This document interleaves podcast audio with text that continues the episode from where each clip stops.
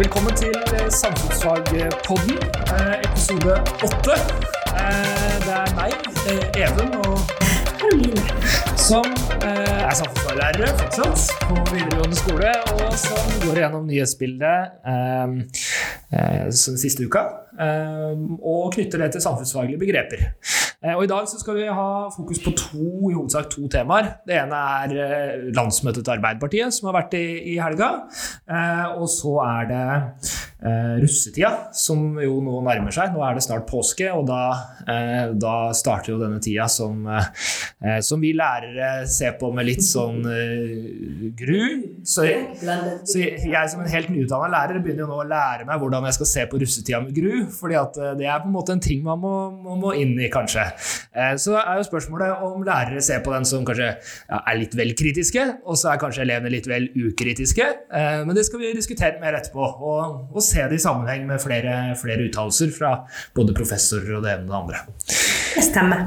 Men først Arbeiderpartiet. og det, når vi så på avisen i dag morgen, så var jo det hovedsaken i de fleste mediene. Eh, Og du, Even, eh, vet mye om landsmøtet, fordi at eh, du er aktiv sjøl i det partiet. Det er det lov å være. Altså, vi samfunnsfaglærere Det er veldig fint om vi er politiske, for vi skal jo være rollemodeller for ja, for å vise at det, man kan delta i demokratiet på mange måter. Men det betyr selvfølgelig ikke at, er du, eh, at vi er partiske i undervisninga i det hele tatt. Bare sånn det er sagt. Eh, Men du kan fortelle litt om Det har skjedd en viktig, et viktig gjennombrudd, vil mange si, i, i Arbeiderpartiet. Ja, ja, jeg har jo vært aktiv i Arbeiderpartiet siden jeg var eh, 17-18 år gammel. Eh, og så er det, jo, er det jo som du sier, man skal ikke være partisk. Eh, men eh, samtidig så gir jo det at jeg kan prate om, om Arbeiderpartiets landsmøte nå, gir jo en mulighet for å, å se det kanskje litt innenfra. Eh, fordi at jeg, jeg har nok et litt annet blikk på det. Eh, og samtidig så, så kommer vi også til å ta opp de negative sidene. Altså det vil si, eh, det er veldig viktig at vi viser kritikken også. Eh, så, så jeg kommer ikke til å sitte her og, og på en måte skulle, skulle proklamere det flotte budskap. Her handler det om å se på hva er det som ligger i et landsmøte. Hva er det for noe? Og det kan vi jo ja, og det vi kan begynne med er jo å fortelle hva et landsmøte er for noe. Ja. Et landsmøte er jo eh, er noe alle partier har. Høyre hadde det for et par uker siden. Eh, De andre store partiene har også hatt, eh, eh, hatt eh, landsmøter. Eh, Og der samles det representanter fra hele landet. Eh, Og da er det, eh, eh, er det da eh, det høyeste liksom, forsamlinga i et parti er landsmøtet. Det er dem som på en måte vedtar den, den, eh, den hovedstrategien for partiet, og, og vedtar den politikken hele partiet er på en måte enige om å, å stå for. fire åra, eller er det for de neste to? Nei, det er stort sett to og to år. Eh, Så det er, I Arbeiderpartiet så er det også i Høyre, men så er det, er det landsmøter før eh, stortingsvalg og før kommunevalg. Så vi skaper litt retninger for valgkampen nå, for det er jo valg til høsten. Ja, og eh, før stortingsvalg så vedtar man jo programmet for, for Stortinget. Eh, Nå er det jo sånn at eh, rundt omkring i alle kommuner så vedtar man jo partiprogrammer. Der hvor det står hva man mener i hver enkelt kommune. Så i Kongsberg så har Høyre, Arbeiderpartiet, Venstre, Miljøpartiet De Grønne osv. har sine partiprogrammer for hva de mener om Kongsberg. Og så vedtar man noe politikk som er nasjonalt. Og det samme jo, gjør jo de andre partiene. Vedtar politikk som de mener er, er viktig sentralt. Og på Arbeiderpartiets landsmøte så var det jo spesielt én sak som, som på en måte fikk hovedfokuset, må man kunne si. Og det er at Arbeiderpartiet har fram til nå vært uh, mer eller mindre for en konsekvensutredning av uh, områdene i Lofoten, Vesterålen og Senja, uh, ofte kalt LoVC. Eh, og på årets landsmøte så ble det vedtatt at Arbeiderpartiet skulle være imot, altså at det ikke skulle konsekvensutredes eh, i Lofoten, Vesterålen og Senja. Og det er jo en seier for AUF. Og, og, og her kan vi kanskje også se en effekt av den klimastreiken som elevene var ute på. Eh, fordi at det påvirker voksne politikere. Og her sitter det voksne politikere som hører til i kommuner rundt omkring i hele landet. Eh, og selvfølgelig blir de påvirka av det klimaengasjementet som, som ungdom har vist rundt omkring i hele landet. Så her kan det hende vi har sett en, en klar effekt mellom ungdommens streik og politikernes handlinger. Fordi at Arbeiderpartiet har vært litt eh, det, det har vært vanskelig for Arbeiderpartiet å komme med vedtaket. Hvorfor det? Utfordringa er at LO, eh, som da er på en måte fagforeningen i Norge, fagrørsla, altså dvs. Si dem som organiserer de som jobber eh, i Norge innenfor ulike bransjer, er, eller mener at man bør kunne konsekvensutrede Lofoten, Vesterålen og Senja-områdene. Og deres argumenter er jo at en konsekvensutredning, dvs. Si, det, er, det er et vanskelig ord, en konsekvensutredning betyr jo i utgangspunktet at man skal finne ut av hva som er konsekvensene ved å bore etter olje. Ja. Så en konsekvensutredning er jo egentlig ikke å bore. Eller det er ikke å bore, men det, det som er argumentene på andre sida igjen, hvis man ser AUF og, eh, og Grønn Ungdom osv., sier at eh, vi har ikke hatt én en eneste situasjon i, eh, i Norge der man har hatt en konsekvensutredning og ikke bore. Nei, for man bruker vel en del penger på det når man først har gjort det. Og så kan de kalle det sånn slippery slope, sier de i England. At det er når du først er på vei ned den sklia, så er det vanskelig å liksom og, og, det her gjør at Arbeiderpartiet har vært uh, vanskelig å snu, da. Eller, og, ja, Arbeidsplass er viktig å Arbeiderpartiet. ja, ja, og i tillegg så består jo Arbeiderpartiet av veldig mange folk som, som er med i LO også. Ikke sant? Det fins mye oljearbeidere som både stemmer og er tillitsvalgte i Arbeiderpartiet, og det er de opptatt av. Uh, og, og, det er jo klart, det er flere hundre tusen arbeidsplasser innenfor olje i Norge, så det er klart at det er mange mennesker som blir påvirka av det her. Um, så, så, det har gjort at det har vært en vanskelig sak. Uh, og så uh, er det jo ikke sånn at Arbeiderpartiet har vedtatt at de ikke er for olje i det hele tatt. Arbeiderpartiet er fortsatt et parti som mener at man bør uh, fortsette å utvikle oljeindustrien, men at Lofoten og Vesterålen og Senja er utelatt fra den, den satsinga. Ja, og det er et spesielt sårbart område. Altså, jeg er jo en av dem, Hvis vi først skal snakke om politikk, så hoppa jo jeg over fra den rød-grønne sida når jeg så, var det åtte år siden, at det, Arbeiderpartiet og de rød-grønne faktisk da ville se på oljeboring i Lofoten. Og det som gjorde at jeg hoppa over fra den sida til de grønne. da. For det er så, det som så viktig, og det er jo om at det er viktig gyteområde for torskestammen her i verden. og ja, Det er jo et fantastisk naturskjønt område, og veldig mye fisk og sånne ting. Så det å ville risikere det for å utvinne en råvare som vi vet fører til CO2-utslipp, for meg så var, ble det dråpen. Og det var nok mange som følte sånn, og det var jo det valget der De Grønne fikk en enorm tilslutning i forhold til hva de har hatt før. da. Mm. Det er fortsatt et lite parti.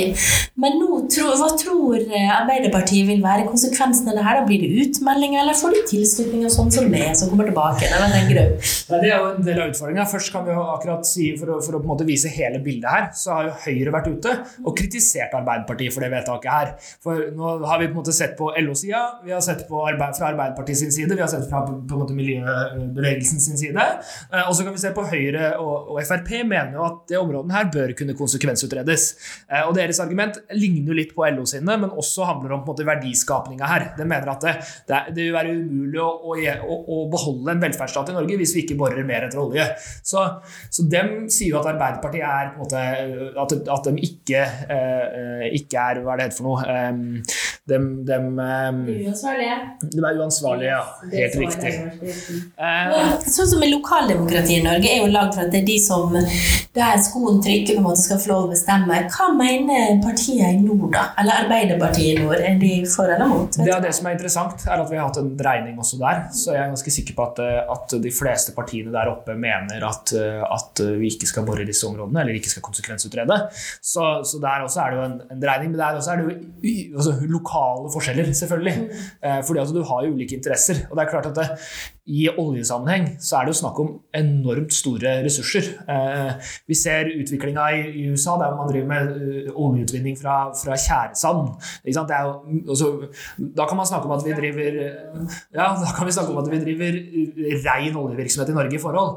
Men der er det jo veldig mange folk som har gjort seg rike på det. Folk som ikke har hatt jobb. Folk som ikke har hatt sted å, å, å, å, tjene pengene sine. Og det er klart i sånne situasjoner, der hvor folk mangler arbeidsplasser, og du har mulighet til å utvikle oljeindustri for å skaffe folk arbeidsplasser, så tror jeg folk tenker annerledes. For har du ikke smør på skiva, så tenker du ikke på miljøet. Og, og, Det er jo derfor det er så viktig. Eh, og også, så kan jo hende Høyre også har et poeng her. ikke sant? At det, at det, er viktig at vi har en velferdsstat. Det er viktig at vi har nok inntekter til staten i ja. omstillinga her. Men da kan jo Arbeiderpartiet parere og si ja vel, kanskje man ikke skulle eh, drevet med skattekutt. For høyreregjeringa som sitter nå, har jo kutta med vel 25 milliarder i året i skatt siden de begynte. Så det, da ser vi jo noe av de forskjellige ideologiske standpunktene til de partiene.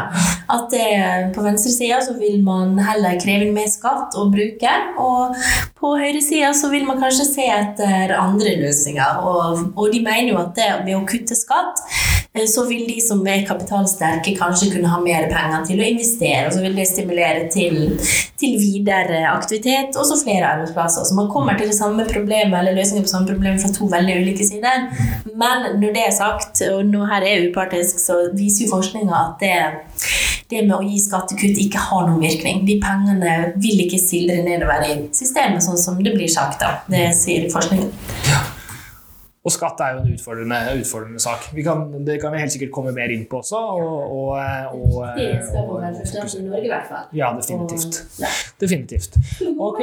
Russetida, da. Jeg, jeg så jo min første russedrakt på lørdag, Mattis. Gjorde du det? Ja. Det er jo et vårtegn. Eh, omtrent som når vi ser løvet på trærne. Det. Ja.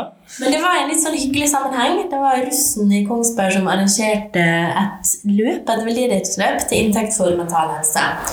Og det er jo positivt. Her eh, viser man eh, interesse for å bidra til noe som er veldig viktig, og det er jo altså Mental helse og ungdom er kjempeviktig. Både her i byen så har vi hatt spesielle utfordringer, og det er jo noe som, ja, som ungdom sliter med overalt. Så det å ha åpenhet rundt det og fokus på det er kjempeviktig. Ja. Men så er det jo eh, andre sider ved russens aktiviteter som jeg vil si kanskje heller er ødeleggende på, på folks mentale helse. Professor, eh, vi har en professor i sosiologi som har påpekt at russetida faktisk er en mekanisme som fører til stor sosiale forskjeller i Norge. Mm. Fungerer det her? Nei, vi, vi, ser det jo uh, gjerne eksemplifisert gjennom uh, russebussene.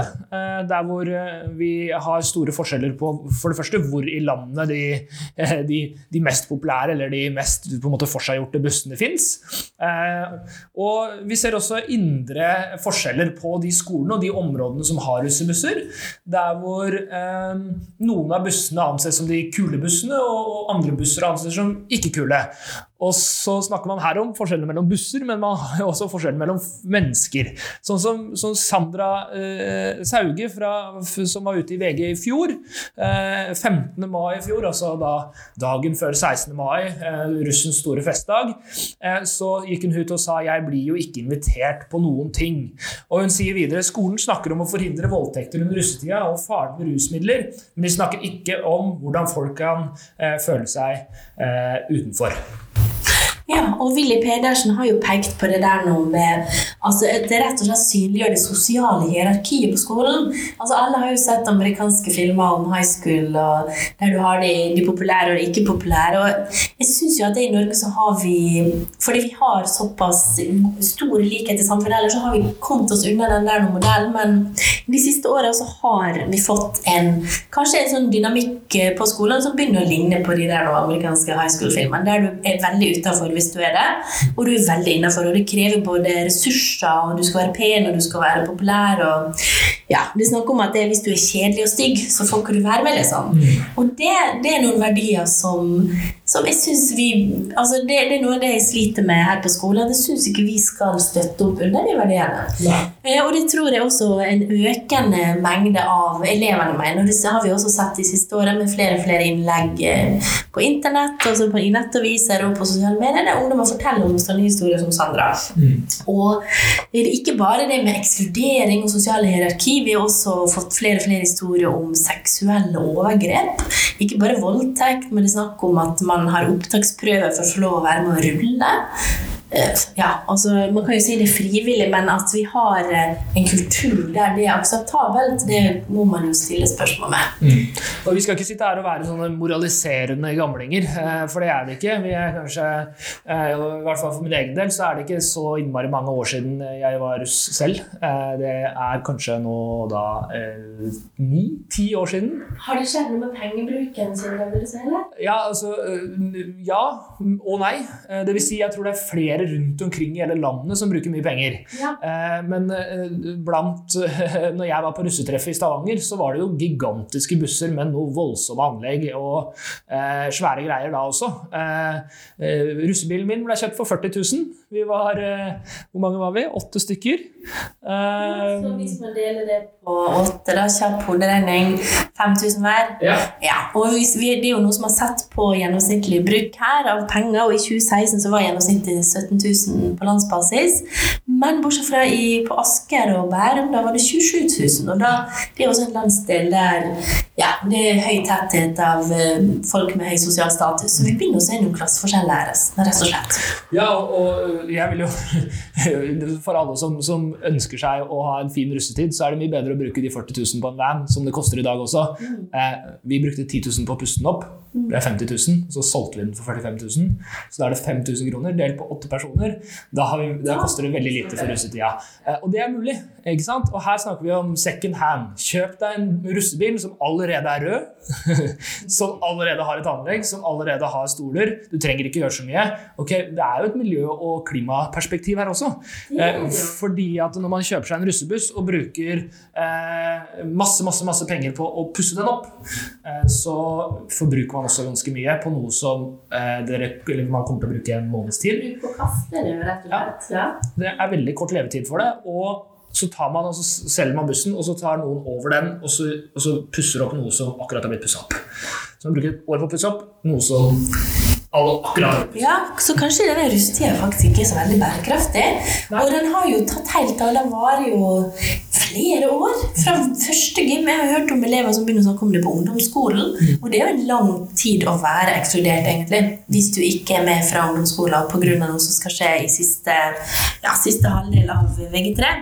Eh, og det er noe med det bærekraftige der også. Da. For eksempel man treffer eh, Var det greske øyer og sånne ting? Altså, ja, det er utrolig mye ressurser som blir lagt inn i noe sånt. Så skal ikke vi som igjen da, sitte og moralisere. Vi skjønner jo at det, man har et behov for å hva skal jeg si det? Du har vært i en institusjon som er ganske så krevende å være. Du blir målt og veid og pressa gjennom 13 års skolegang. 13? Jo. Eh, selvfølgelig så trenger man en liten sånn periode med å slå ut håret, men kanskje det har tatt litt av, og det er jo ikke sikkert at det er elevene som står bak det.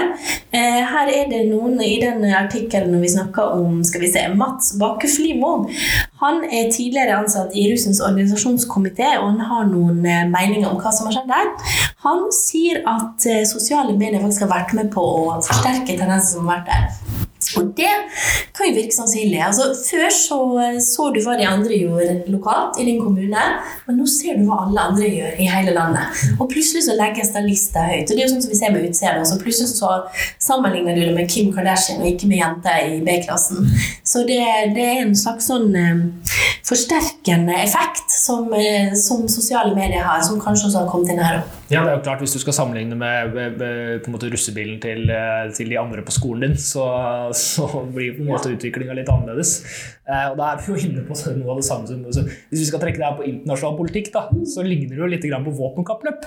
Eh, der, der, hvor, der hvor på en måte russerne og amerikanerne bygger bare flere og flere atomstridshoder for hver eneste gang, fordi at de vet at Oi, nå får vi rapporter om at de har bygd flere, ja, da bygger flere vi skal. ikke sant? Og sånn er det her også. Vi skal være bedre enn de andre osv. Um, 15 000 kroner for russelåter, og ikke bare én låt, men tre. Altså, ja. Så, men, men, det å komme inn på altså, bærekraftsbegrepet for vi er egentlig i kjernen av hele bærekraftsbegrepet. Miljø og klima, det snakka vi om. ikke sant? Og så er vi på økono økonomisk bærekraft. Ja, ungdommen bruker 27 000-28 000 kroner i snitt på russetida. Uh, og jeg tror ikke alle utgifter er regna med. Jeg tipper det er utgifter som går på, på buss og bil og klær. Uh, og så har du i tillegg alle utgiftene du har med å reise og, og, og, og sånn. Uh, og så har du på sosial bærekraft så er det akkurat det her med utenforskap. At vi skaper da også dem-forhold. Der hvor vi på bussen vår mot dere på bussen deres, eller vi på bussen vår mot dere som ikke er på buss i det hele tatt. og, som skaper disse hierarkiene som ikke er særlig sunt.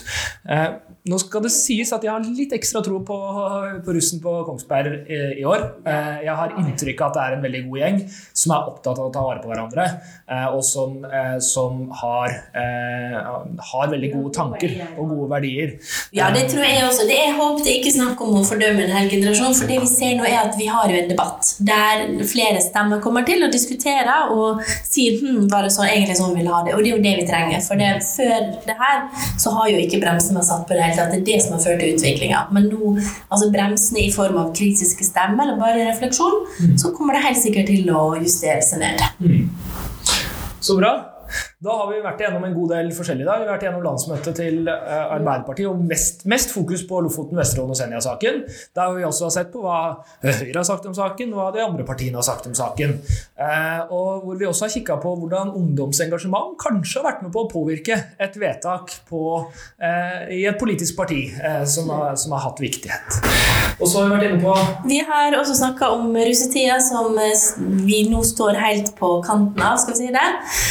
Den kommer snart, eller i mai er jo det virkelig tar av. Og så har vi sett litt på hvordan den kan være en viktig del av et bidrag til den sosialiseringsprosessen. da, Å være med på å forme sosiale hierarki. Vi har jo, heldigvis begynte vi på en litt sånn positiv måte med å se på eh, russen i Kongsberg og de positive tingene de har valgt å gjøre. Så vi, vi tror det blir en fin russetid i år. Så vi får bare si lykke til til russen. Skal vi avslutte med det? Ja.